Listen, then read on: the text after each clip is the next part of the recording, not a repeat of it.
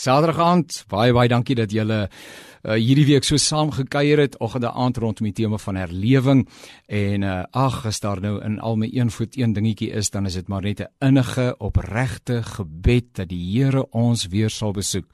Mense, rondom 1860 Wow, daar by Andrew Murray se kerk net toe die Heilige Gees, mag ek die woord in aanhalingstekens plaas opgedaag het. Wow, ek sal iewers op 'n ander geleentheid 'n bietjie daaroor miskien sou wou gesels. Maar skielik het iets verander. Uh hier staan in die teks wat ons met mekaar gedeel het gedurende hierdie aandgeleenthede 2 Kronieke 7 vers 13 en 14. Mense begin weer na die wil van God vra. Hulle is nie op hulle eie traject nie. Hulle is nie uh, hulle eie definieerders van die werklikheid nie. Hulle gee nie self meer inhoud aan die manier waarop hulle lewe nie. Hulle vra inderdaad, Here, wat wil U hê moet ek doen? Hoe moet ek lewe? Hoe moet ek optree? Wat vra U van my in 'n tyd soos hierdie? Ons lewe te midde van eie tydse problematiek. Die wêreld rondom ons is lank nie meer eenvoudig nie.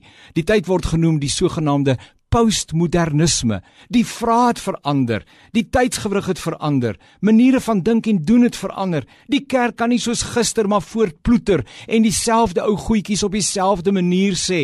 En ons sien dat die kerk leegloop en dat mense belangstelling verloor en ons sis onsself daarmee en met die ou pragtige uh, gedagte, ag die wat moes gehoor het, sou gehoor het. Ai, ek wil dit met alles wat ek het te staan dat 'n mens jouself so kan verskoon dat 'n mens so gemaklik 'n uh, verskoning bied vir jou eie geestelike flouheid, die van jou gemeente, die van jou gemeenskap, die van jou kerk en die van ons in as kinders van die Here in Suid-Afrika. Ag, die wat moes gehoor het, het gehoor. Mm, mm, nee, dis tyd dat ons verander. Dis tyd dat ons die Here soek. Dis tyd dat ons geloofsonderskeiding uh begin beoefen. Dis tyd dat ons begin vra na die wil van die Here. Sou hy dan nie weet hoe om postmoderne mense te bereik nie. Met name ons jong mense ons kinders wat soekend is na God. Maar jy laas in die lewe van baie van ons as ouer mense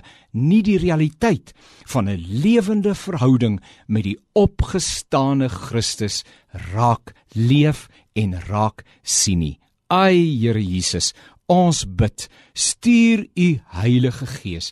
Ja, ek weet die Heilige Gees is uitgestot op Pinkster, maar liewe Here, ontmoet ons asseblief met 'n kragdaad vanuit die hemel. Herleef u kerk sodat ons weer seisoene van heerlikheid, van voorsiening en ook van voorspoed tegemoet kan gaan, maar ten diepste ter wille van die heerlikheid en die heiligheid van u naam. Mag die Here dit vir ons doen.